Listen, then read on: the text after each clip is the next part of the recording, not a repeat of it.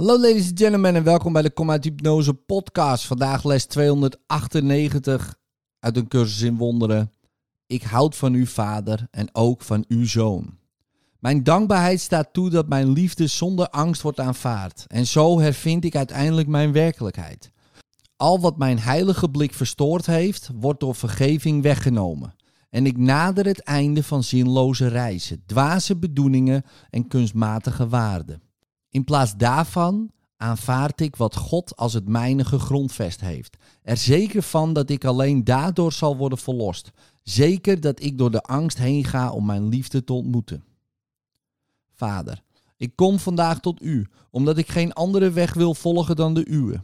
U bent aan mijn zijde. Uw weg is zeker. En ik ben u dankbaar voor de heilige gave van een betrouwbaar toevluchtsoord en een uitweg uit alles wat mijn liefde voor God, mijn Vader en zijn heilige Zoon vertroebelen zou. In liefde, tot morgen.